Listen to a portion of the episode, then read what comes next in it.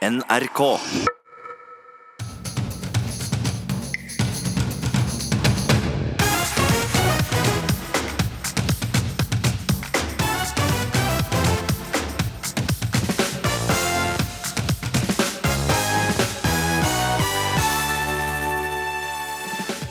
Denne uken slo alpinveteran Kjetil Jansrud alarm om et klasseskille i norsk alpint. Svært unge utøvere som har omtrent like mye utstyr som, som det vi har. Og det er jo en utfordring, eh, i og med at vi alpint, i hvert fall vi alpinister, ønsker at eh, vi skal ha mest mulig mennesker som står på alpint. I ukeslutt skal du få møte en alpinpappa som bruker 400 000 kroner for at barna skal bli så gode som mulig.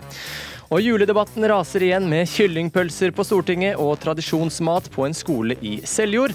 FrPs Per-Willy Amundsen har flere ganger gått ut for å forsvare norske juletradisjoner. Jeg ser jeg blir utnevnt til såkalt kulturkriger. Men, men eh, jeg tror det er veldig viktig at vi sier ifra. Mens kommentator i BT, Jens Kiel, mener derimot at jula ikke er i fare.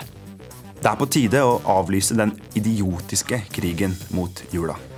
Og vi bruker sjokkerende mye på julegaver i år, mener forbrukerøkonom Silje Sandmæl. Å spare på julegavene blir som å spise salat på julaften. Det sier artist Jenny Jensen, som overøser datteren med julegaver. Ja, God lørdag og velkommen til ukeslutt. Jeg er Christian Strand og skal være med deg de to neste timene. Og vi skal selvfølgelig også få en temperaturmåling før cupfinalen mellom Haugesund og Stavanger, som spilles på Ullevål stadion i morgen. Og vi skal høre fra en som mener den iskalde kampen mot Klokka-ekspedisjonen til Børge Ausland og Mike Horn rett og slett er et velregissert jippo med liv og død som scene. Ja, I morgen er det altså cupfinale på Ullevål stadion, stadion, mellom Viking og FK Haugesund. Og det merkes eh, godt i Oslo i morgentimene morgentimen i dag, for oppvarmingen til lokaloppgjøret det er i full gang. Reporter fra Rogaland, Gisle Jørgensen, hvor er du? Du, Jeg står ut forbi Scotsman, puben på Karl Johan, der Haugesund har hatt sitt tilholdssted de siste døgnet og kommer til å være her i et døgn til. Her mm. selges det supporterutstyr, og her vrimler det av eh, folk, rett og slett. Ja, hvordan, eh, altså Nå er du utafor Scotsman, det er jo der ofte det skjer når det, når det er fotballkamper. Men hvordan preger dette oppgjøret hele hovedstaden? Nei, altså Anslagsvis så er det eh, i hvert fall 15 000, kanskje flere rogalendinger som kommer til Oslo denne helga.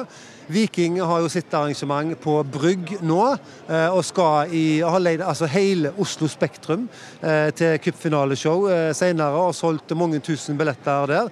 Mens Haugesund eh, skal ha sitt arrangement på Røverstaden eh, ja, fra nå faktisk og til, til kveld, kvelden omme. Ja, For de som kjenner Oslo Spektrum og Røverstaden som ligger i Oslo sentrum, så er det litt sånn størrelsesforskjell her. Er det, er det, er det et lag Viking som nå allerede har tatt seieren på forskudd, tror du, eller?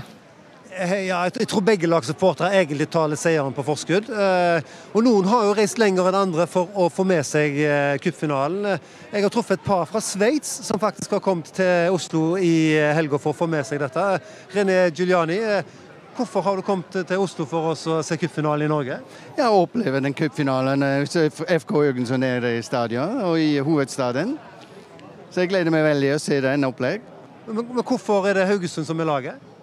Fordi eh, økonomi er fra Haugesund, og er uh, Haugesund-jente. Så følger med henne. Nina Ellingsen, det er du som har dratt med deg, da? Ja, ja, ja. Han er veldig heldig som får være med. Hvilke forventninger har dere til helga, da? Um, ja, eh, forventningen om å eh, se masse haugesundere.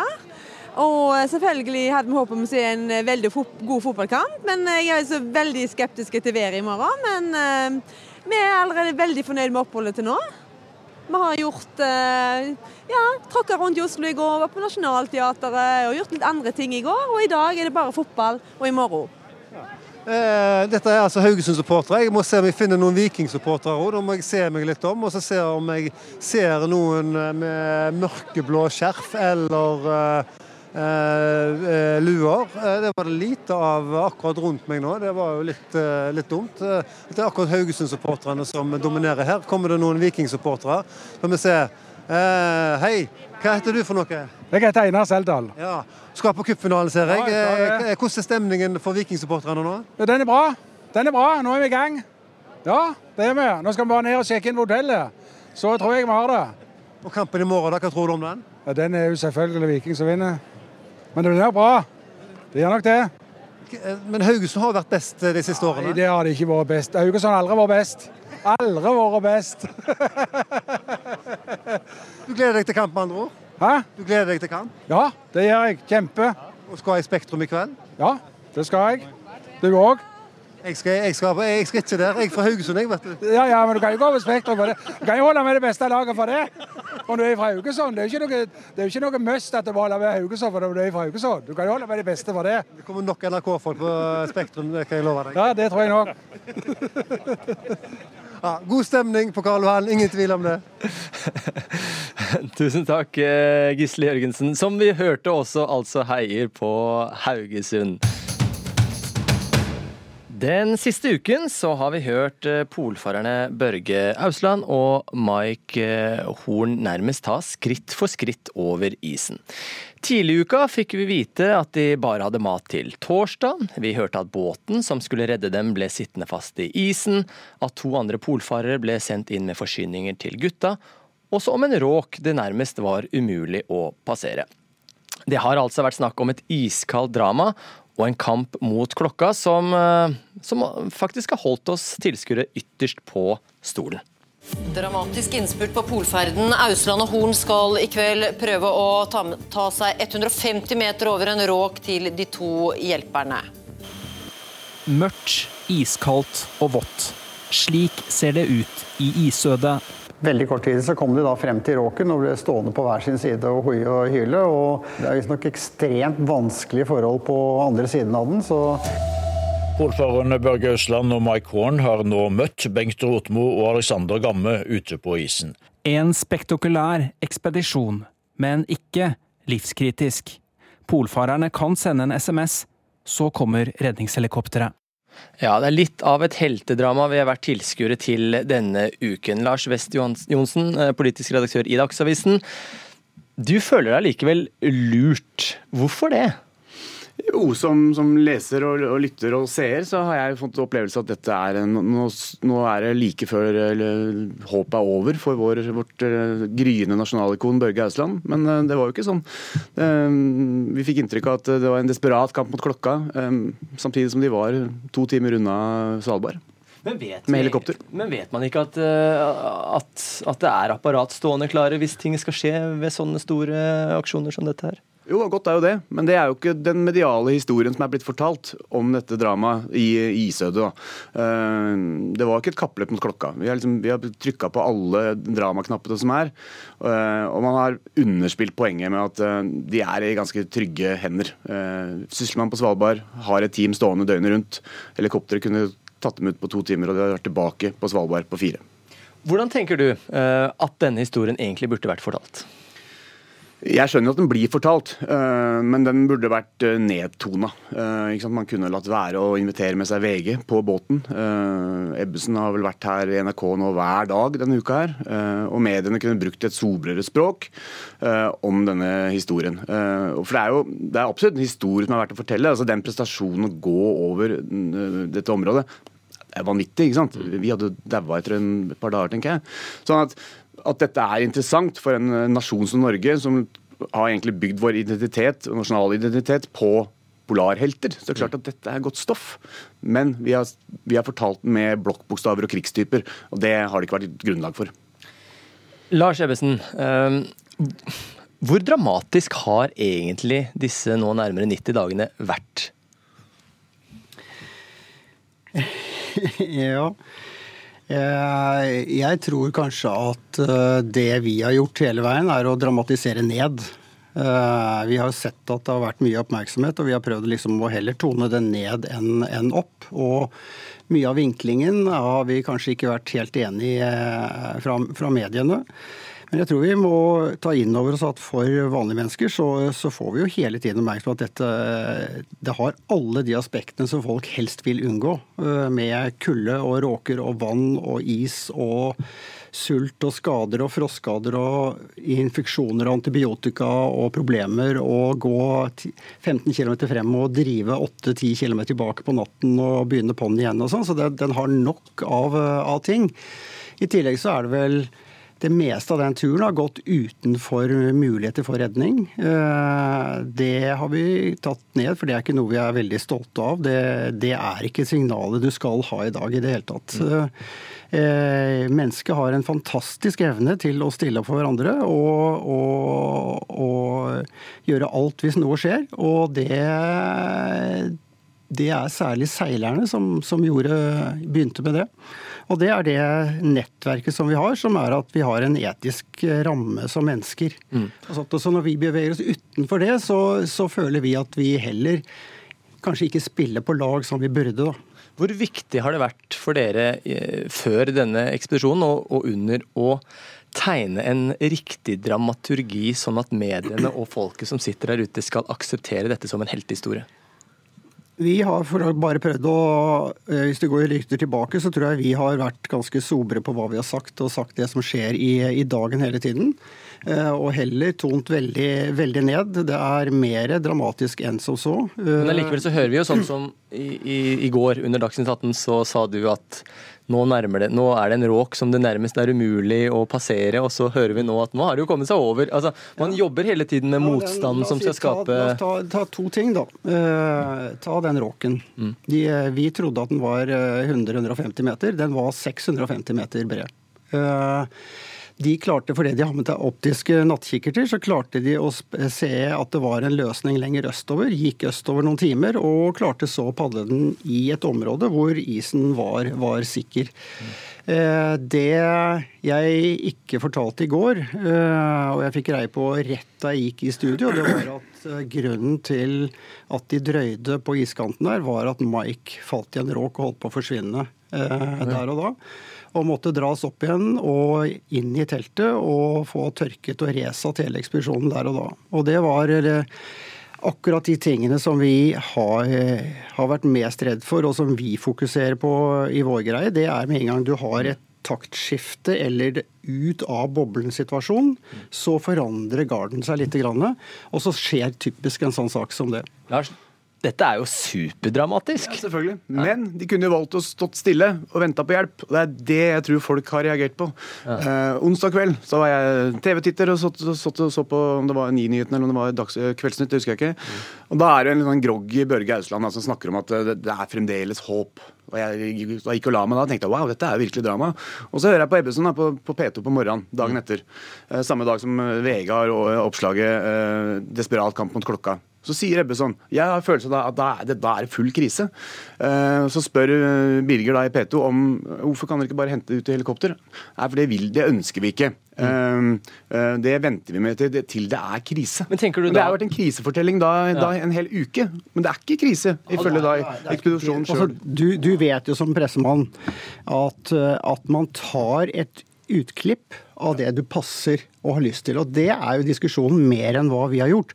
Når de tar ut en setning av det Børge sier.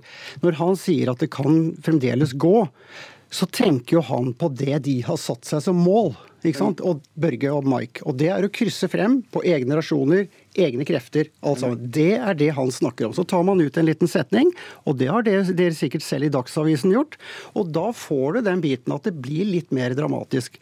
Og det er liksom eh, Det store bildet er krevende å fortelle, og i hvert fall for mediene, og, og da tar man ut lite grann. Og Eh, og det er det vi ser hele veien, at vi får de, de, bitene der og skal sy dem sammen. Når det gjelder tidsaspektet, så er det i tidsnød. Ja, det var veldig tidsnød.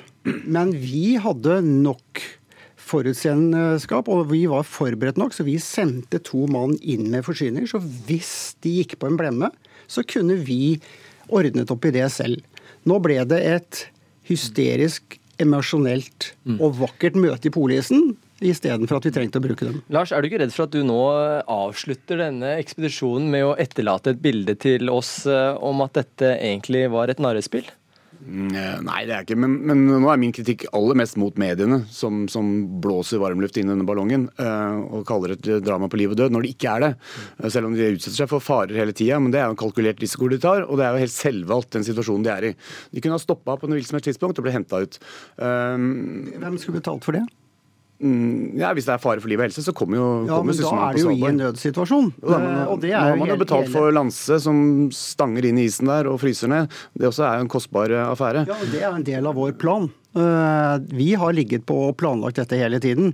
Og, og det er jo det som er greia. Du kan ikke si nei, nå tror jeg ikke jeg vil, men nå vil jeg ut. Du hvis det står om liv og helse, så måtte man gjort det. Ja, det er historien er så Min kritikk men, er mest mot men det er jo enten mot- du er her hjemme eller du er i bolig, så er det ikke sånn Nå tror jeg det skjer noe, nå er jeg snart i den ytterste nød, er nå må jeg ringe 113. Ja, det, er jo ikke sånn. Du er ligger der, og så Det er ikke fortellinga. Det er ikke fortellinga.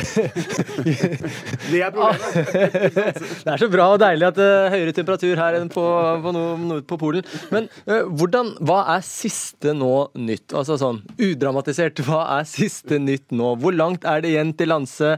Kommer de dit innen tiden? Klarer de å fullføre dette svære prosjektet? Ehm, alle, hver gang jeg har prøvd å gå ut med en dato eller tid, så har jeg blitt gjort fullstendig til latter. Så, så det der diplomet som, som eh, synsk, det er ikke mye verdt.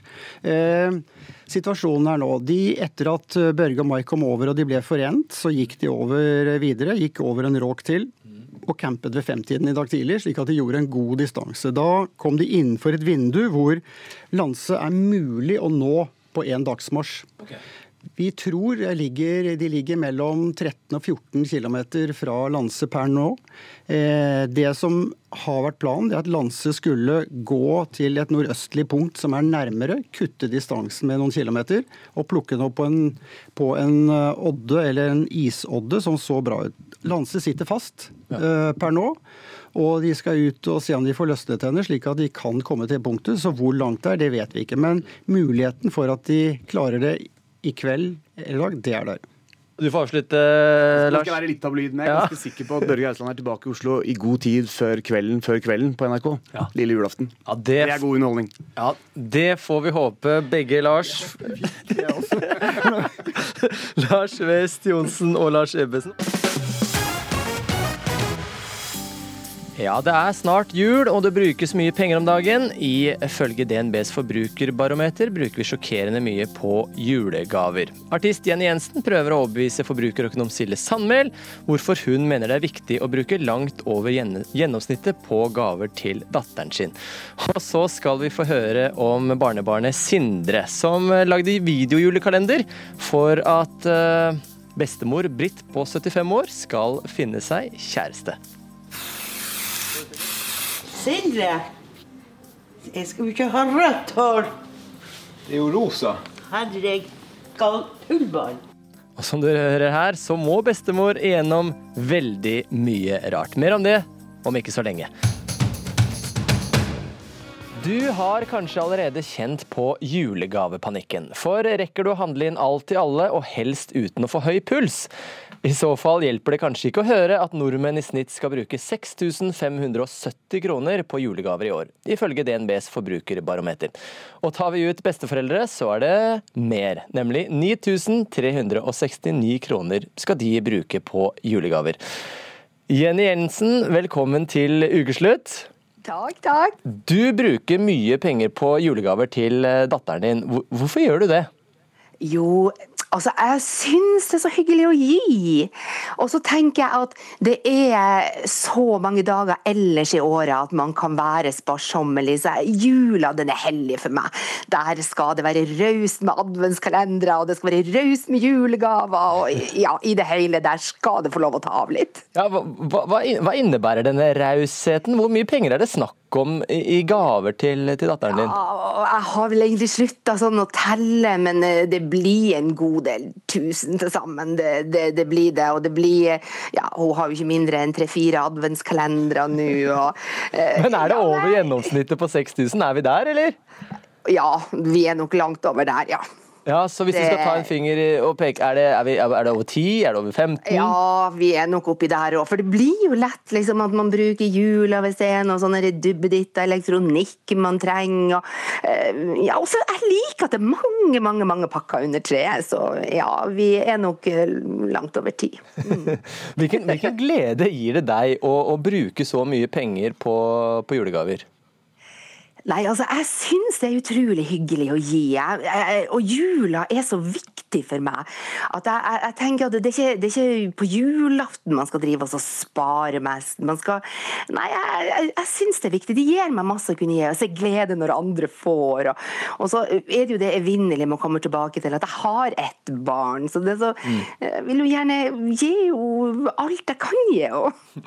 Silje Sandmæl, velkommen til deg også i Ukeslutt. Eh, Du er forbrukerøkonom i DNB. Eh, Tidligere så har du sett på økonomi, økonomien til Jenny gjennom programmet ditt I lomma på Silje. Når du nå hører at eh, desember og jula er tiden for virkelig å slå på stortromma, eh, hva tenker du om det? Eh, Jeg tenker at det visste jeg fra før, når det kom kom til Jenny. Fordi, fordi Jenny elsker jul. Men, men jeg tenker eh, sånn eh, for å, for å hjelpe deg, Jenny, så, så var det jo de eh, elleve andre månedene i året hvor jeg hjalp deg å spare, mens eh, julemåneden, den, eh, den fikk du lov å Den holdt du utenfor. ja, det var, men, men det skal sies da, Jenny. Det, du har jo ikke sagt det selv, men jeg kan jo si det at jeg åpnet jo et skap hjemme hos eh, Jenny, og der lå det eh, masse gaver som hun hadde kjøpt gjennom året på salg. Så, så jeg tenker jo, Jenny, der er du jo god. Du har Ja, jo, du altså, har jo en Du du har et tenker skap. eh, jul fremover, du. Ja, altså, jeg, jeg tenker vel litt jul hele året, for man reiser jo så mye og turnerer. Og så kommer man plutselig over en liten godbit, og så tenker jeg å, det passer til den, og det passer til den. Så om jeg skulle dø i morgen, så ligger det julegaver for de neste fem årene til slekt og venner. Det er jeg helt sikker på. Men eh, Silje, altså, eh, DNBs forbrukerbarometer sier at vi bruker 6000, over 6000 kroner i snitt.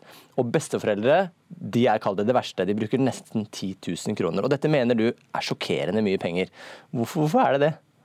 Jo, altså eh, Det første vil jeg jo si at det er ekstremt mange som føler på det å gi mer enn de egentlig har lyst på. Mange føler på et eh, kjøpepress. Eh, Dette der unntaket er Jenny, vil jeg si. Men, men, men mange, mange tenker jo på jula som at det er veldig stress med alle disse gavene. Og så er det jo sånn at barn i dag de har ikke det samme forholdet til penger som vi hadde før. Sånn at eh, ønskelistene der består jo også av veldig dyre gaver, som gjør at gavebeløpet øker. Fordi eh, sånn er det. Nordmenn i dag har mye bedre råd. Eh, Norsk økonomi er bra. Og da er det sånn at man kjøper ting gjerne til barna gjennom hele året, og det som står igjen på ønskelisten da, er dyre ting. Og så ønsker man å innfri, og når man er besteforeldre, så tror jeg man har et sånn ekstra ønske om at man også da vil gi den beste gaven. Det er jo liksom som foreldre, og man vil gi den beste gaven.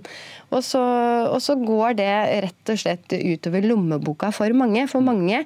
Eh, jeg hørte her nettopp at det er eh, i underkant av 200 000, ikke fullt så mange, men eh, i underkant av 200 000 som faktisk eh, bruker, altså handler for mer enn de faktisk har råd til. Og da begynner jo varsellampene å lyse, tenker jeg da. Fordi det kommer en januar og et nytt år Ja. hvor man faktisk ikke skal starte med minus. Ja, Jenny, det kommer en, eh, en januar. Eh, Har du vært i den situasjonen hvor du har måttet betale på desemberglede i januar? Nei, nei, det har jeg ikke vært. Eh, Men eh, nei, og det er klart altså, man, man må jo ikke kjøpe over evne. Man må jo eh, se på, altså så mye lærte jo jeg da jeg var med i Lomma på Silje, at man må jo se på hva man har, man kan jo ikke bruke mer enn det man har. Men eh, så, så er det klart, hjertet mitt blør jo for de som gjerne vil kjøpe dyrere gaver og som ikke har mulighet til det. Men jeg mener, den tanken kan ikke ødelegge for at ikke jeg, eller de som har råd eh, og har lyst til å gi, skal få lov til å gjøre det. Vi må ikke sette med dårlig samvittighet bare fordi de kjøper dyrere julegaver. Men Hva, hva gjør det med datteren din at hun, at hun får gaver eh, til en verdi av la oss si 15 000 da, eh, til jula? Nei, og, Altså, Hun setter jo fryktelig pris på det. Hun, hun vet jo, hun var jo òg med i det her programmet Lomma på Silje. Og det må jeg si at det har jo vært en læringskurve som bare har vært rett opp i himmelen for dattera vår.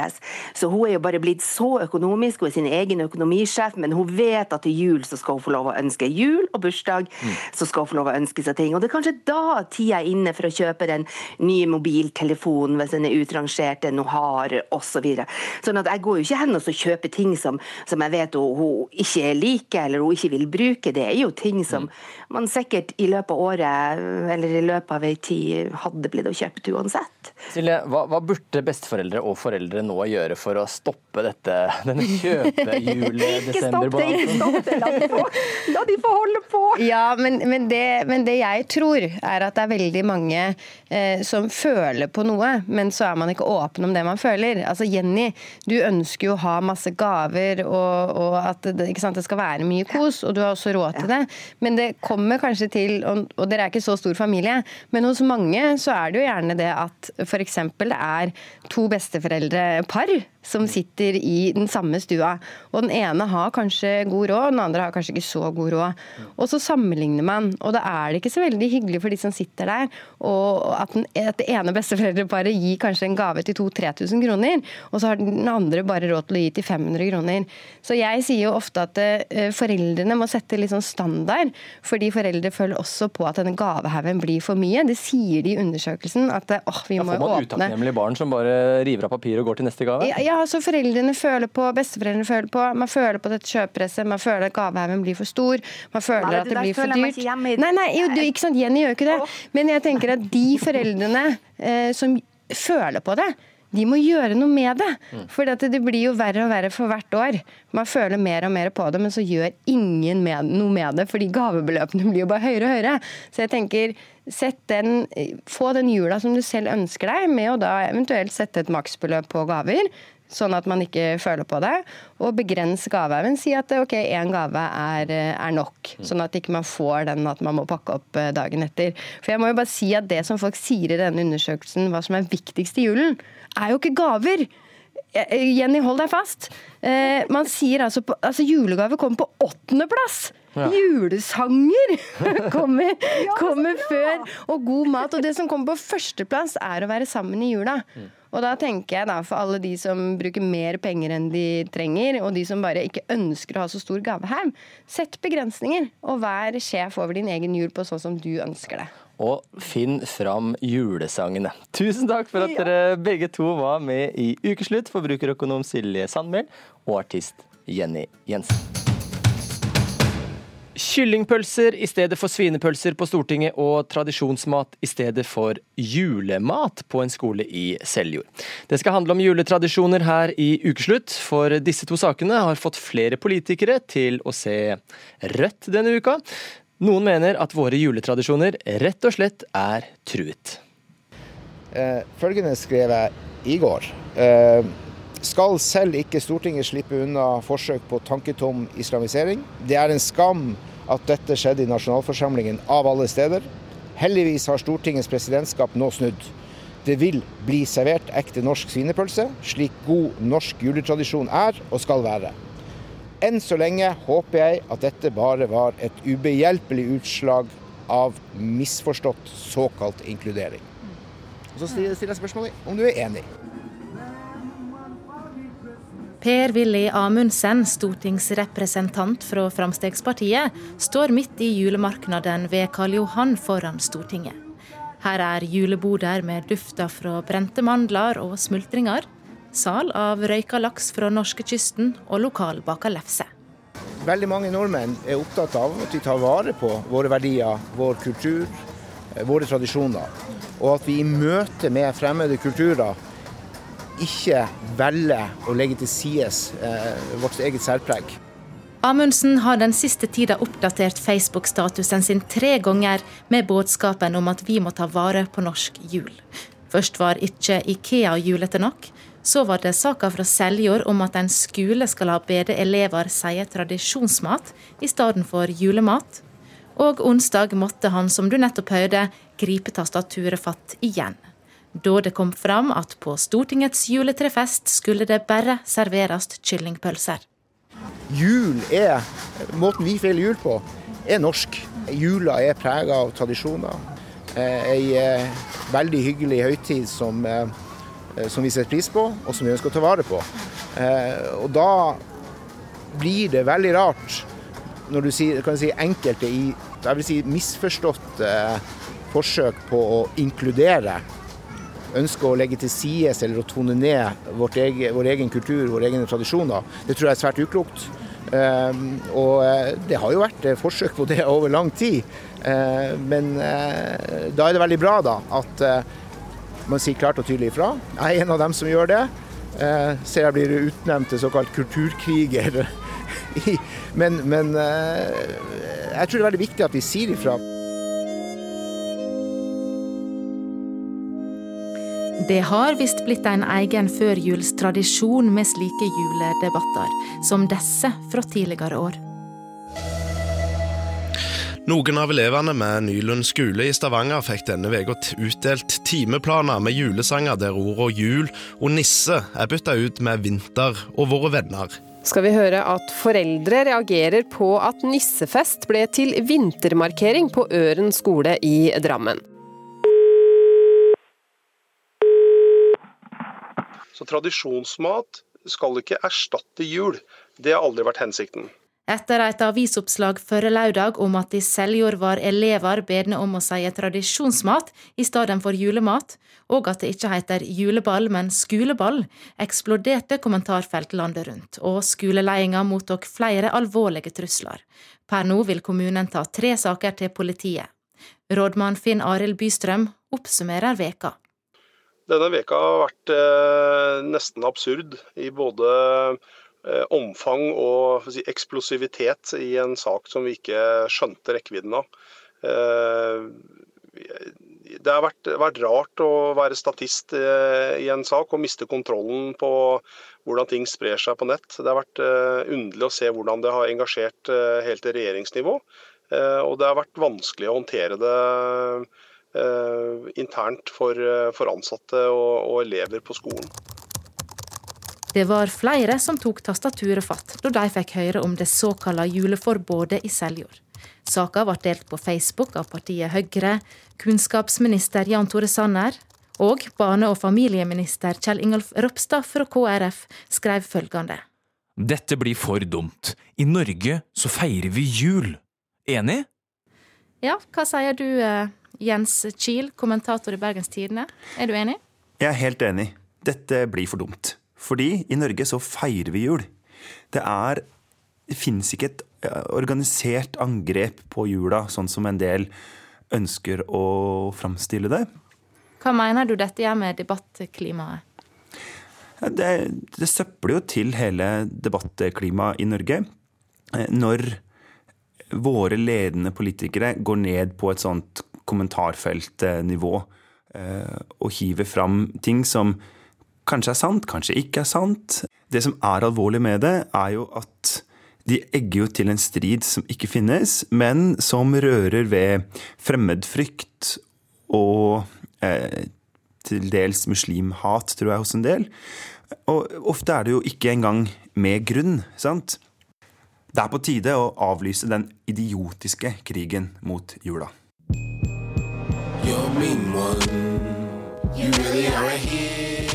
Jeg vet hva jeg skal gjøre. Jeg skal ta og stjele julen deres.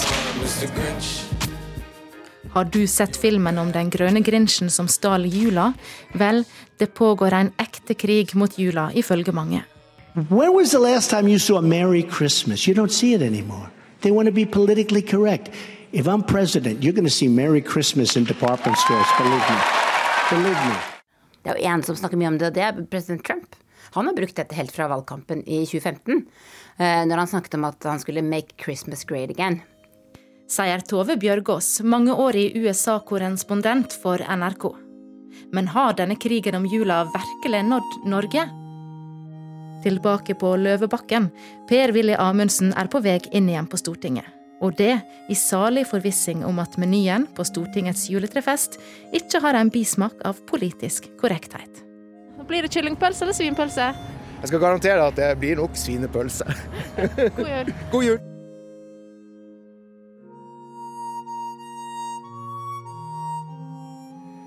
Reporter her var Andrea Kvamme Hagen. Ukeslutt har spurt flere av de politikerne som delte innlegget om å, om å debattere her i Ukeslutt studio, men eh, verken Høyre- eller kunnskapsminister Jan Tore Sanner ønsket å stille.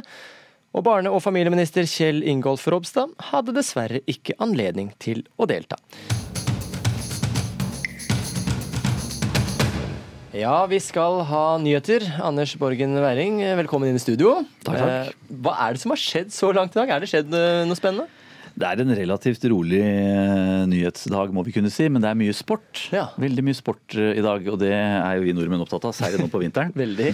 Og det har vært en begivenhetsrik sportslørdag allerede. Vi har uh, fått uh, seire, både her og både der, holdt jeg på å si. Mm. Therese Johaug var uh, suveren i sporet igjen. Vant overlegent 50 km lange verdenscuprennet med skibytte på Lillehammer. Hun gikk i mål over ett minutt foran Jessica Diggins fra USA. Heidi Weng, Astrid Urnholt Jacobsen sørget for solid norsk innsats med henholdsvis tredje- og femteplass. Det er så deilig med medaljer. Ja, Og det kan jo bli flere seier i dag også? Det kan det. Akkurat nå så er eh, langrennsherrene i gang. De går tre mil med skibytte, de da. Ja. Litt lenger. Eh, Det nærmer seg halvgått løp omtrent. Eh, Det er masse norsk i front. Blant andre har vi Johannes Høsflot Klæbo der. Emil Iversen er med. Martin Jonsrud Sundby ligger foran der, men her er det mer åpent enn i kvinneklassen. De eh, kniver blant, andre, blant annet mot Ivo Niskanen fra Finland og Aleksandr Bolsjunov fra Russland. Senere i ettermiddag så kan det bli enda mer eh, norsk. Eh, Det har vært hoppet i kombinert. Eh, Der starter langrennet om et par timer. Jarl Magnus Riiber hoppet 143 meter og går ut i langrennssporet 30 sekunder foran Jens Lurås Oftebro. Også nordmann, altså. Han landet på 134 meter. Det er et godt forsprang. Ja, det høres bra ut. Og der staker han seg ut. Én, to, tre, fire, fem. Stavtak. Han gir seg ikke. Først der bikker hodet ned, og han jager på. Ja, helt, i 600 lik, deler ja, helt i likhet med Aksel så skøyter han på, og det er på toppen at Kjetil Jansrud har trivdes aller best. Jobber med terrenget der hele veien. Han bang inn på porten. Kjører helt nydelig. Han er fortsatt foran med 37 deler. 37 deler. Det var altså Kjetil Jansrud som fikk opp temperaturen i kommentatorboden da han satte utfor i Pyeongchang i 2018. Jansrud sørget for sølv og bronse, og Aksel Lund Svindal sørget for gull i OL. Å vinne slike medaljer er jo mange unge alpinisters store drøm. Men denne uken slo alpinveteran Jansrud alarm om et klasseskille i norsk alpint. Til Aftenposten tidligere i uka sa han at idretten har utviklet seg i en helt hinsides retning. Til NRK sier han at det særlig er på det sentrale Østlandet at foreldrene går lengst. Noen av de eh, har måtte fått det for seg, og det ser man jo i utviklingen, at eh, man skal være mer og mer likt verdenscupnivået jo yngre de er. Så du har svært unge utøvere som har omtrent like mye utstyr som, som det vi har. Og det er jo en utfordring, eh, i og med at vi i alpint, i hvert fall vi alpinister, ønsker at eh, vi skal ha mest mulig mennesker som står på alpint. Eh, og innunder det så kommer også de som da ikke har inntekt til å tilegne seg så mye utstyr. Eh, Den andre delen av det er selvfølgelig at med bedre utstyr så vil du også kjøre fortere.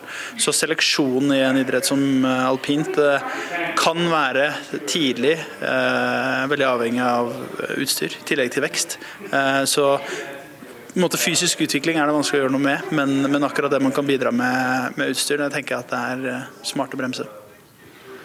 For hva syns du om at er 60% av norske alpinister kommer fra Oslo vest eh, eller også andre ressurssterke områder rundt Oslo, Akershus, Drammen osv.? Eh, Jeg tenker at det er, eh, er nok litt naturlig også. eh, Fordi som idrettsutøver da, så må vi ta oss og skille litt mellom dem. Fordi du kan ikke med en gang si at det er et problem at de fleste alpinister kommer fra sånne miljøer.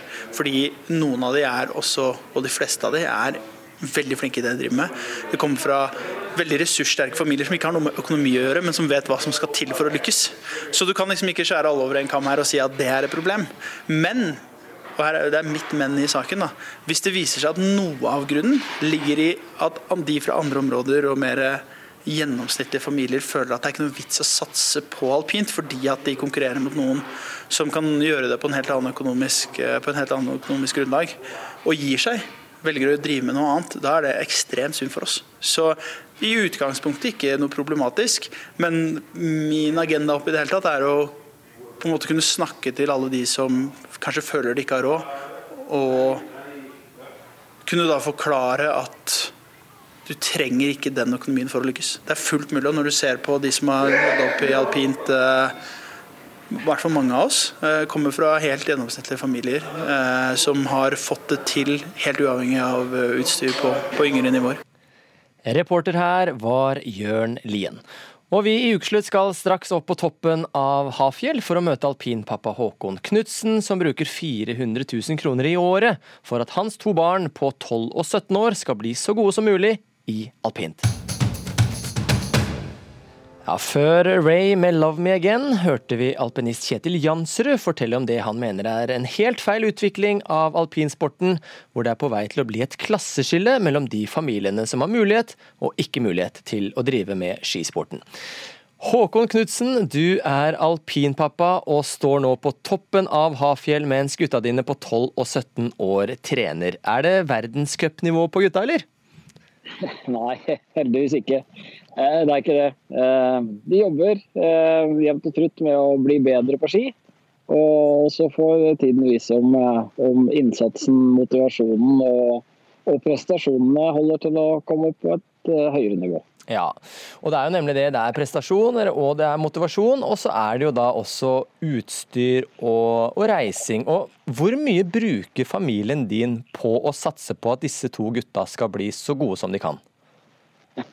Nei, Totalt så tror jeg vi har en, en, økonomi rundt alpin som ligger på rundt 400 000 i året. Fordelt på rundt 250 000 på han som går på skigymnas og kjører FIS, og 150 000 på han som er U14-løper eh, og kjører med klubb. For meg som bare har to små gutter som driver med, med, basistrening, så høres dette her veldig mye ut. 400 000 kroner på disse to gutta. Hvorfor bruker dere så mye på, på dette? Nei, altså Som jeg har eh, forklart i et intervju med Aftenposten, så er en veldig stor andel av dette knytta til reising og utgifter eh, i forbindelse med reising. Altså heiskort, overnatting, selve reisingen og, og mat. Og, og, Grunnen til at vi må reise så mye, er jo fordi det er nødvendig å kjøre på ski for å bli god på ski. Og, og Der vi bor i Oslo, så er det bare ski noen, eller snø noen måneder i året. Og, og, de månedene så er det også vanskelig å slippe til i de anleggene som finnes, eh, spesielt til ferie. Så det krever mye reiseaktivitet hvis man vil ha mange skidager. Men kreves det også så mye reising og så mye kostnader for, for barn i, i 12- og 17-årsalderen, tenker du? Nei, det er, en, det er, jo helt sikkert opp til hver enkelt hva de mener er riktig. Um, Eh, jeg tror det er fullt mulig å komme langt på ski uten å reise hele året på ski. Kanskje er det til og med mulig å komme på toppen. Eh, jeg har ikke noe klar statistikk som viser om det ene eller andre er riktig, men det har i hvert fall en oppfatning selv om at det er et, eh, et fornuftig steg å kjøre mye på ski. Mm. I tillegg så har vi det gøy på ski. Da. Det er jo dette vi gjør sammen som familie for å, som vi syns er moro å drive med. Ja, hvordan er det dere prioriterer nå for at dette her skal være familiens aktivitet? Nei, vi har, jo, vi har, jo, en del ting som Eller vi har ikke en del ting som veldig mange andre familier har. Vi har bl.a. valgt å ikke ha hytte, vi har ikke noen båt. Vi har altså ingen andre kostnadsdrivere bortsett fra det å bo.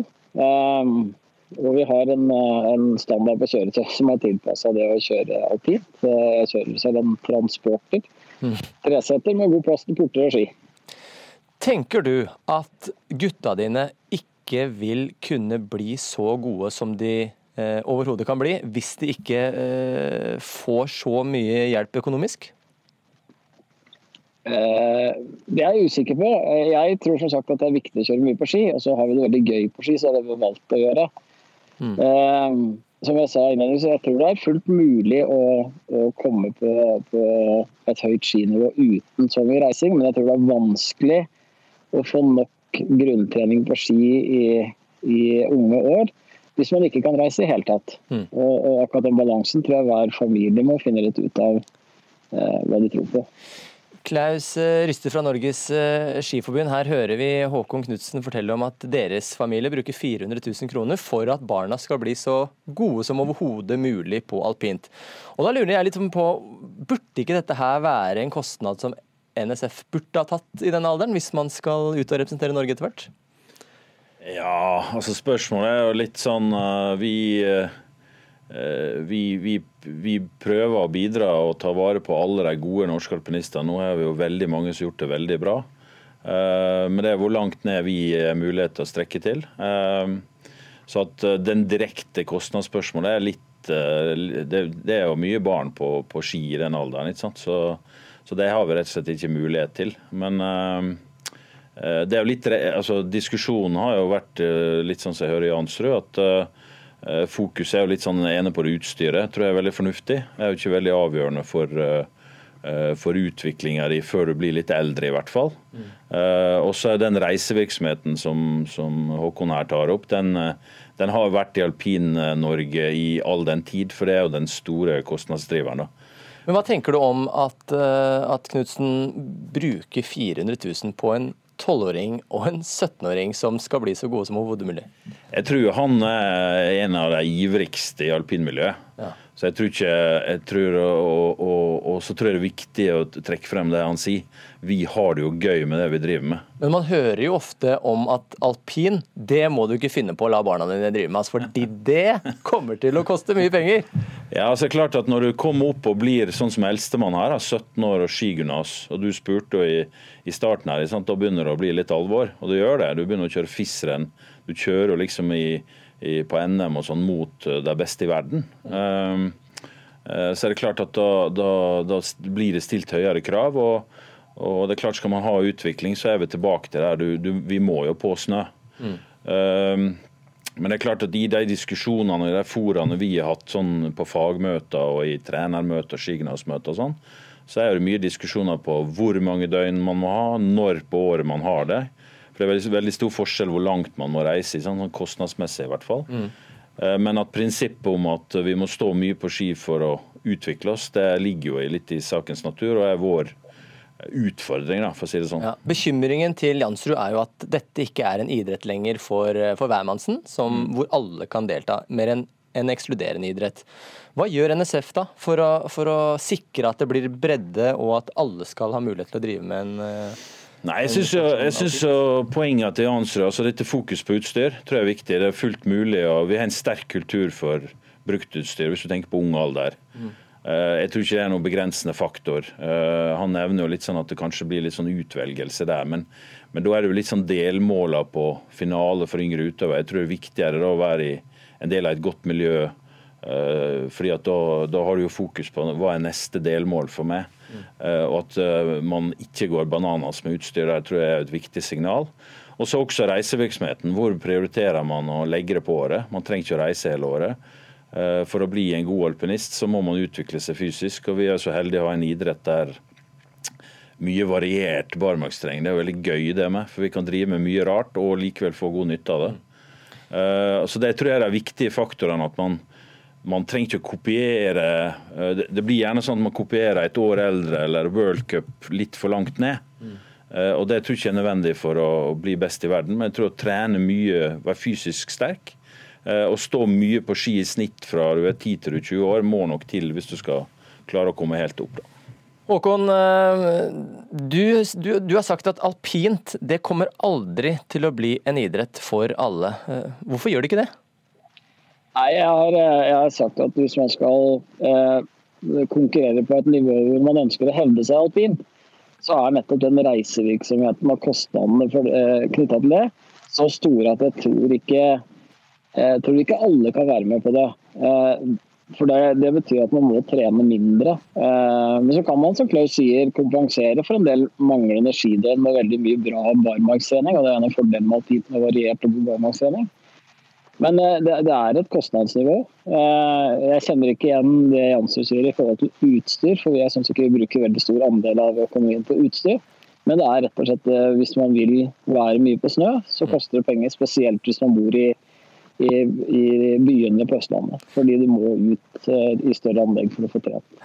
Ja, De har jo tidligere også sagt at uh, noen av verdens raskeste menn kan heller ikke komme fra Ulsteinvik på Vestlandet. Så vi får bare se om dette er en idrett for de med penger.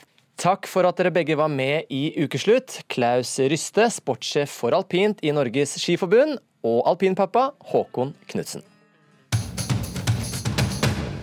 Folkebladet på Finnsnes har for tiden en julekalender på nett som begynner å bli kjent langt utenfor avisas dekningsområde. Kalenderen er en slags videodagbok hvor Sindre prøver å finne en kjæreste til bestemoren sin. Nå er du 75. Ja. Du har vært singel i 24 år, ikke sant? Ja. Du har aldri funnet deg en ny mann etter han bestefar døde? Nei, jeg har ikke hatt noe behov for det. Nei. Men nå tenker jeg at det er på tide at du kommer deg ut på markedet igjen.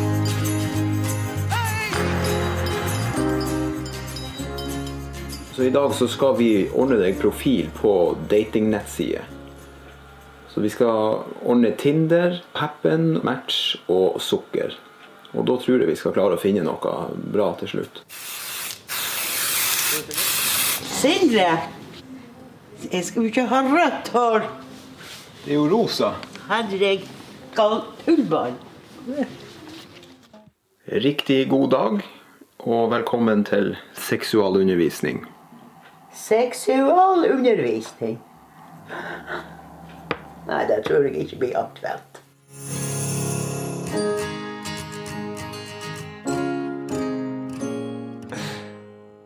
Britt Jørgensen, så hyggelig å ha deg med i Ukeslutt. Tusen takk. Ja, her hørte vi fra serien din hvor barnebarnet ditt eh, Sindre rett og slett eh, både oppretter profil på deg på Tinder og andre sjekksteder. Han tar deg med på skjønnhetssalong. Det er ganske mye du må igjennom før du, eh, før du kan gå på date. Hva har vært det morsomste å gjøre? Nei, jeg vet ikke hva jeg skal si, for jeg har opplevd så mye fint og artig at jeg, har, jeg kan ikke akkurat si noe som Men når jeg var og for med den med både hest og slede, det var en stor opplevelse. Ja, Hvordan var det? Ja, for det, Jeg har bestandig ønska å, å, kunne fare en, med hest og slede.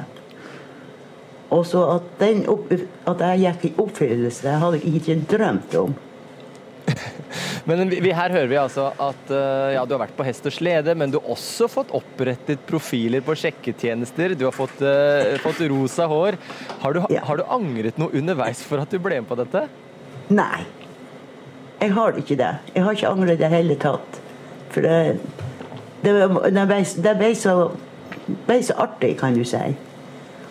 Og, um, så jeg har ikke angra. Men jeg, har, jeg syns jo det ble litt for mye nå i disse juletider. Sindre, du er ja. altså barnebarnet til, til Britt, og det er du som har laget denne kalenderen. Hvorfor ja. ønsker du å legge bestemoren din ut på, på, på Tinder, f.eks.? Nei, altså hele opprinnelsen til serien er jo bare at eh, jeg har hatt lyst til å gjøre noe sammen med bestemor lenge. Um, og, og, har drevet og filma henne sjøl på, på, privaten i, i mange år. Og, og fant etter hvert ut at hun er, veldig, hun er veldig morsom. Hun, har, eh, hun er et komisk vesen som det er fantastisk morsomt å klare å fange på film. Og så tenkte jeg etter hvert at det her må jo, må jo flere få se. Så, så, da kom den ideen her til i, i, hodet mitt, og så, så, så måtte jeg jo bare klare å komme på 24 ting å gjøre før man skal på en date. Og da må man selvfølgelig innom Tinder. Hva, hva syns du har vært det morsomste å gjøre med, med bestemoren din? Det er vanskelig. Det har jo vært, vi har ledd mye, men eh, jeg, jeg syns jo kanskje det morsomste er når hun blir sint. Og, eh, og det var vel kanskje den episoden der jeg skulle helle ut konjakken hennes. For Hun, hun, har jo en stor eh, forkjærlighet for, for konjakk. da, det var en av de første episodene vi filma, men da ser du at da glemmer hun kameraet fullstendig. Ja, for i en av kalenderlukene så blir altså du, blir, du blir skikkelig sinna du, når, når, Sindre både tar røykpakka di og, og, brekker sigaretter og, og, heller ut konjakken din. Hvordan, hvordan, var det for deg, ja? Ja, altså, da ble jeg mektig. Jeg ble irritert, og jeg ble Jeg vet ikke hva jeg skal si. Jeg ble frustrert. Og, og for jeg, jeg, trodde ikke han hadde gått så langt. Men vi blir jo fort gode venner igjen. Ja, det gjør det. Men, men målet, eh, Sindre, det har jo vært å få bestemoren din til å skaffe seg en, en date. Eh, Mm. Hvorfor har det vært så viktig for deg? Nei, det, jeg har jo bare tenkt at det, hun har vært enka i, i 24 år. og har, Jeg har i hvert fall aldri hørt om at det har vært noen annen mann inne i bildet. og vi, vi har jo snakka om ensomhet og sorg og, og savn og sånne ting. og så tenkte jeg jo bare å gi det et, et lite dytt i riktig retning, sånn at hun fikk testa det i hvert fall. Kommet seg ut på markedet og, og prøvd det. Og om det nå ikke skulle bli noe seriøst ut av det, så, så, så ville det bli en morsom opplevelse i hvert fall. Og det kunne bli en fin ting som vi kunne gjøre sammen. Og det har det, har det absolutt vært. Britt, hvordan, hvordan, hvordan var det å høre at uh, når Sindre presenterte det at du skulle dra på date Det- det- Jeg ble, jeg ble helt stum først. Så sa jeg jeg har aldri vært på date, men du kan jo være rett å komme hver en gang. Ja, har, det, har, det blitt, har det blitt mange bailere nå som har ønsket å, å, å være med Britt ut på date, eller? Ja. Det, det, det har ikke vært eh, fritt, altså. Det, det kom jo Vi var jo tidlig ute i høst og, og etterlyste frierbrev, og det kom noen inn på det. Men eh, altså, jeg må jo si at Tinder for, eh, for bestemors aldersgruppe, det var i fyr og flammer, det. det jeg, ble, jeg, ble, jeg ble sjokkert. Ja, hva, Jeg jo, hva, er det de, hva er det de skriver til, til bestemoren din? Du, det var, det var de, de eldre er veldig mye mer direkte, fant jeg ut. Det var, det, det var rett på. Skal vi møtes? Skal vi ta en kaffe? Jeg skrev jo i bioen hennes på Tinder at hun, hun var glad i å bake og, og sånne ting. Og da er altså menn på, på 70 pluss er rett på og har lyst på bakervarer og kaffe og, og kommer på besøk. Så, så de, det, det virker som de ikke har tid til å gå rundt grøten så mye. Men det samme, det samme gjaldt jo bestemor òg. Så fort hun fikk en match og jeg spurte om hun hadde lyst til å sende en melding, så ville hun jo at jeg skulle spørre om, vi skulle, om de skulle møtes. Ja, Britt. Så da måtte liksom jeg holde henne litt i tøylene og si at nå er du litt for direkte. Britt, Britt har, har det blitt mye bak, baking i, de siste ukene og kaffeslabberas med, med hissige menn? Nei, ikke med hissige menn, men jeg har, jeg har bakt mye i, i, i høst. Men hvordan har det vært for deg, Britt, å kaste deg ut i det ukjente nå eh, gjennom disse, disse ukene, og, og, rett og slett begynne å møte nye mennesker etter å ha vært 24 år som, som enkemann, nei, enkedame? Det var vært spennende. Men det beste av alt er jo at jeg har jo ikke visst noe på forhånd hva som skulle skje. Før at han Sindre kommer og sier det at nå skal vi dit, nå skal vi dit. Så, eh, men jeg ønsket jo sjøl òg at jeg ikke Jeg ville ikke vite noe på forhånd. Så, så det gikk ganske greit. Sindre, du skal jo ikke avsløre denne julekalenderen eh, helt ennå, men, men, hva kan du si om, om, om, bestemor nå fremover? Hvor mye dater? Er det blitt noe kjæreste? Vi er jo spent. Vi er jo spent. Jeg kan jo avsløre at serien bygger jo opp mot episode 24, hvor hun skal gå på en date. Og jeg kan jo avsløre at hun har vært på date. Men så, så, får vi vente til episode 24 med å avsløre om det, om det ble en lykkelig slutt. Mm. Og Britt, eh, vi, vet, vi vet, jo ikke så mye altså Vi som ser denne julekalenderen, vet jo ikke så mye om Sindre, men det er jo kanskje en liten kontaktannonse for barnebarnet ditt òg, eller? Ja. Hva tenker du om det? Ja, jeg er veldig glad i han Sindre, og jeg ville hjelpe han at, at, vi kunne gjøre det, at vi kunne gjøre det her i lag. Ja. Men du har ikke gjort det for at jeg skal finne meg kjæreste? Nei, det har jeg ikke gjort. Tusen takk for at dere begge var med i uh, Ukeslutt. Sindre Olav Fredriksen og Britt Jørgensen. Straks i Ukeslutt skal vi høre hvor stor makt bilder har når folks hjerter skal vinnes. Det vet også tidligere KrF-leder Knut Arild Hareide, som tenker på jul når han ser ukas bilde av Kim Jong-un. Kim Jong-un på en hest. Jeg, jeg, begynner å tenke på det der Tre nøtter til Askepott. Og han ser ikke ut til å passe oppe på den hesten. Og i morgen braker det løs på Ullevål stadion, cupfinaleoppgjøret mellom Viking og FK Haugesund. Hvem som vinner, det tror jeg de er helt uenige om her i studio. Kim Jong-un som rir på en hvit hest gjennom skogen. Boris Johnson som unngår å hilse på Trump foran pressen på Nato-toppmøtet. Både diktatorer og politikere vet at bilder har stor makt når folkets hjerter skal vinnes. Og det vet også tidligere KrF-leder Knut Arild Hareide, som altså tenker på jul når han ser ukas bilde av Kim Jong-un. Kim Jong-un på en hest. Jeg, jeg begynner å tenke på det at tre nøtter til Askepott når jeg ser dette bildet. Tenker, men han passer ikke helt inn der. Men det er jo da hvite hester med litt sånn gull med gull på. Eh, og så er det noen fra Forsvaret som rir litt bak. Eh, ei vakker dame som rir ved sida av han. Og han ser ikke ut til å passe oppe på den hesten.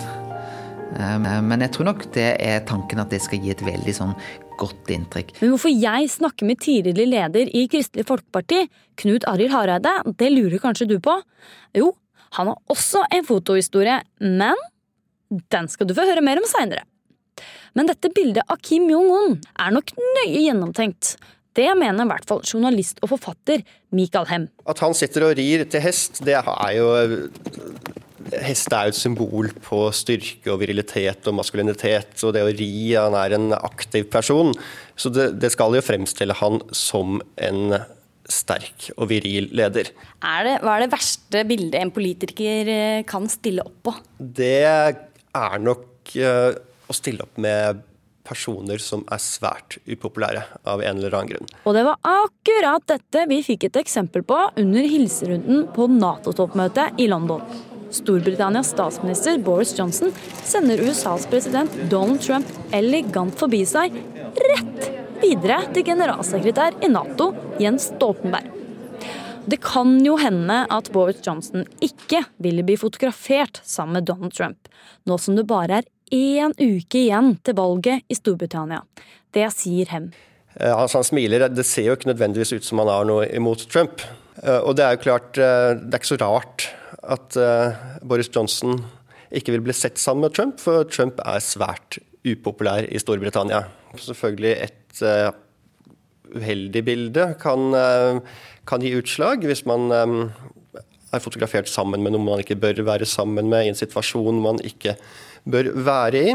Og det var dette Boris Johnson ville unngå. Men som vi alle vet, bilder har kommet for å bli. De gjør ofte større inntrykk enn ord. Altså folk, det, det viser seg ofte at inntrykket man får visuelt, sitter bedre også.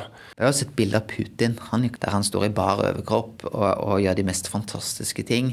Det er for øvrig aldri noe jeg har tenkt å stille opp på sjøl. Jeg tenker som oftest at jeg, jeg prøver å bli med på bildet. Eh, folk spør, og jeg skal ha en grunn for å ikke være med på. Knut Arild Hareide han sier gjerne ja til bilder, men i 2012 så var ikke det like lett. Før det skulle knipses et fellesbilde av opposisjonspartiene foran Stortinget, så trakk Venstre seg.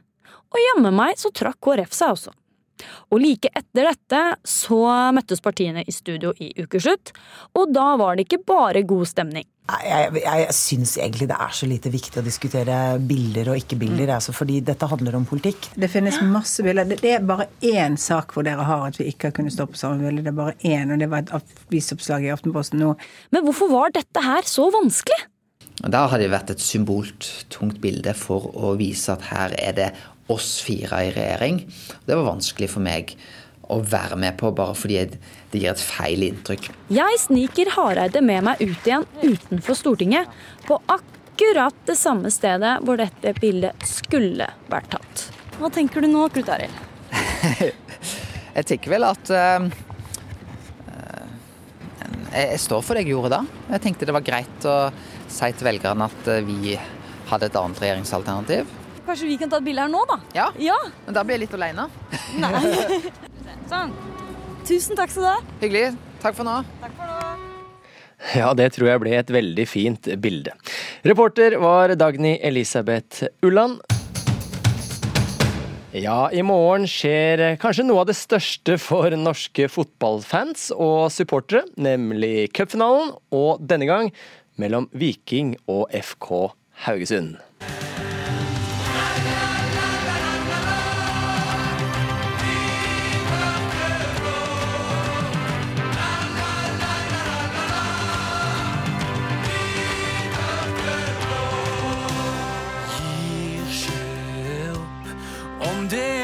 hvert mot neste tår.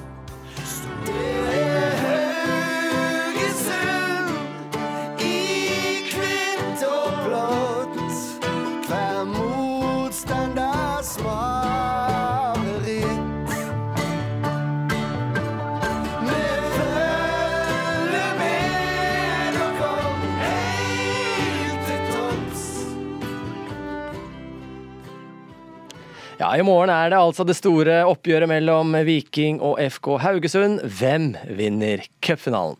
Og her hørte vi først Vikings eh, cupfinalelåt 'Besta som har hendt meg' med Gilberdal.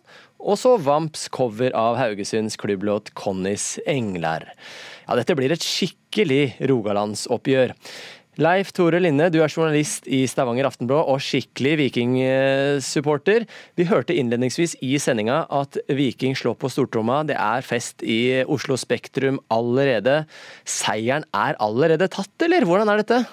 Altså, det er jo, dette er jo en formalitet, men eh, det skal jo avgjøre i, i morgen hvor stor denne seieren blir. Men eh, altså, er, i den grad det er spenning her, så er det jo hvor, om Haugesund gir seg med pause, eller om de orker to omganger med ydmykelser. Men eh, ja, eh, jeg tipper vi, vi går nok mot en målrekord, i alle fall her. Ja, du er skråsikker her, Leif Tore, men OK. Hva er det beste med Haugesund, da? For dette blir jo et oppgjør, men det er jo litt venner òg. Hva er det beste? Det, beste med Haugesund er jo at det ikke ligger på Østlandet. um, og så ligger det jo ganske langt fra Stavanger. Og så um, der, der er nok der er ganske mange trivelige folk fra Haugesund. Jeg har bare ikke truffet noen ennå. Men eh, hva har Viking å frykte i denne cupfinalen her? Nei, um, frost på banen ja. tenker jeg de har frykta.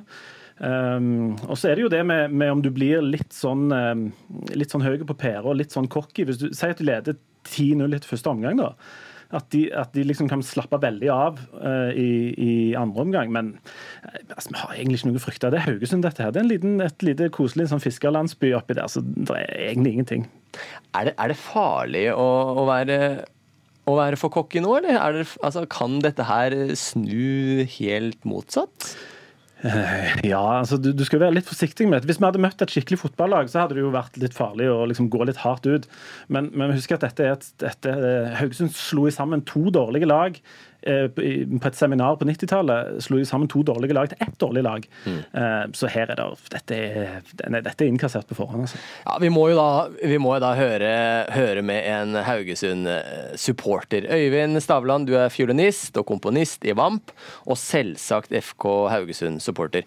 Nå hører vi Leif Tore Lindøen si at det kan hende at dere allerede gir dere ved pause. Og, altså, det, er ikke, det er ikke mye godord å høre her. Hva tenker du om denne raljeringen? Altså Dette er vi jo vant med fra Siddesandes side. Sånn har det alltid vært. De er store i kjeften. Og, eh, men, eh, men, de går som regel skoene av seg.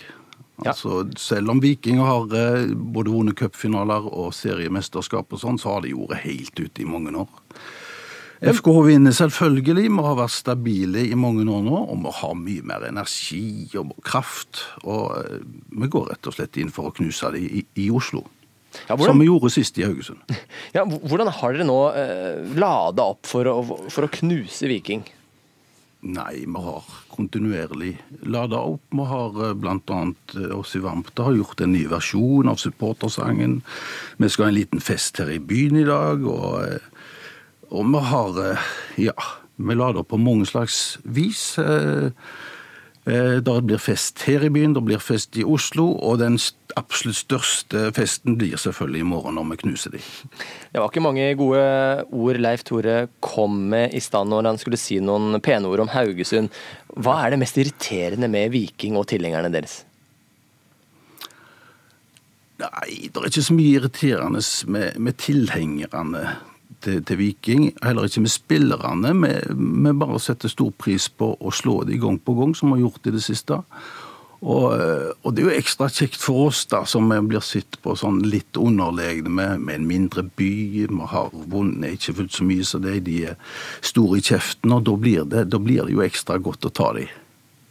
Ja, Leif Tore, Haugesund har jo tross alt uh, Vamp med Øyvind i spissen her, som covrer klubblåta deres. Dere har ikke noe sånt? Nei, altså vi, vi, vi har jo heldigvis, slipper jo heldigvis ha, ha, ha haugesundere rekende hos oss. Det er jo flott. Det er Et annet sympatisk trekk med Haugesund er jo at de har tatt inn Vamp og gitt de et tilholdssted, så vi slipper å ha de fygende rundt. Eh, nå reiser de litt på turné, da, så vi, de, vi klarer jo ikke helt å, å isolere de. Ja, ja, de, de, de, slipper jo ut litt sånn som en gjør for sånne, for sånne asyl. Men, men altså, det er, Haugesund, vi tenker jo ikke så veldig mye på dem. Du, du kommer jo ikke på at de fins. Eh, vi kjører forbi dem hvis vi skal til Bergen eller sånt. Eh, men, men, eh, men som sagt Det er en grunn til at vi har lagt traseen sånn som vi har gjort. Da du slipper med en masse sideser inn i Haugesund sentrum. Ja, ikke sant? Det er jo en grunn. Ja, og det, der har Vi jo, eh, vi kan jo møtes på det at vi slipper å treffe hverandre. Um, men ellers er det, så, er jo Haugesund en, en artig plass. Jeg har aldri vært der sjøl, men jeg har jo hørt at Du har kjørt forbi? Jeg har kjørt forbi, ja. Veldig Men, fort. men Øyvind, Øyvind eh, Viking har altså vunnet cupen tre ganger før. Haugesund har aldri klart det. Nei.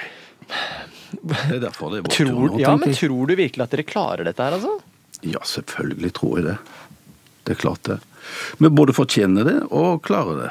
Ja, det, hvis, altså, det, det, dette, Øyvind, dette kommer jo, kommer jo aldri til å skje, men jeg syns jo det er flott at også sånne breddeklubber, litt sånn dugnadsbaserte fra grisgrendte strøk, får lov å være med på cupfinalen. Um, Haugesund er vel inne på et slags utjevningsmandat her, med at alle skal få lov å prøve seg en gang iblant.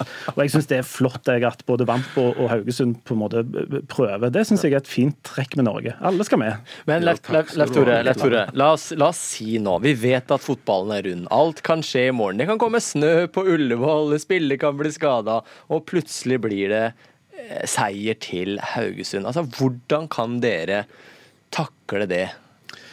En helt, en helt utenkelig situasjon. Um, det skal jo sies at Viking har jo hatt en liten sånn nedtur de siste åra. Litt sånn som Vamp har hatt i sin karriere de siste 25 eh, årene. Så har vi vært nede i en liten dump, eh, men, men nå er vi jo tilbake. og Det er bare, det er bare helt utenkelig at, det skal, at vi skal vinne med mindre enn ti mål, tenker jeg. Mm. Men med, med, det verste, altså skrekkscenarioet her er jo at vi, vi må sette oss i bilen etter den cupfinalen har vunnet med mindre enn ti mål. Da blir det dårlig stemning på vei hjem. ja. Øyvind, hvis det nå viser seg i morgen, dere tar hjem denne pokalen for aller første gang. Hva vil det bety for, for klubben og for eh, Haugesund? Det betyr jo fantastisk mye. Kanskje spesielt fordi at uh, det er som, som Leif Tore sa, denne klubben FK Haugesund er satt sammen av flere lag. Vi var tre lag i byen tidligere. Djerv 1919, Haugar og Vard.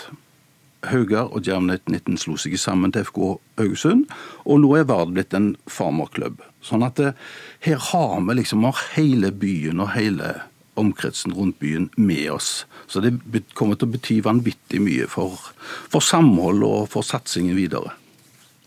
Leif Tore, du er skråsikker på at det blir seier i morgen. Hvis jeg må bare si igjen, Ja, ja. hvis Viking skulle tape, kommer du da til å besøke Haugesund og si 'jeg tok feil'? Ja, ja, jeg, hvis Viking skulle tape, så er jeg villig til å, til å besøke Haugesund. Og til og med, da skal jeg overrekke Øyvind Stavland en bitte, bitte, bitte liten pokal.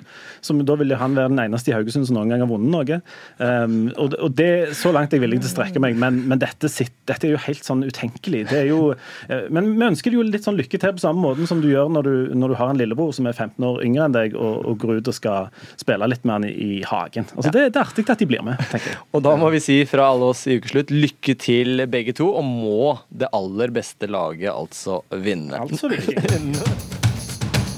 Og med det så er ukeslutt over. Ansvarlig for sendingen er Kari Li. Teknisk ansvarlig Ida Laland Brenna. Og her i studio har du møtt Christian Strand. Nyt lørdagen videre!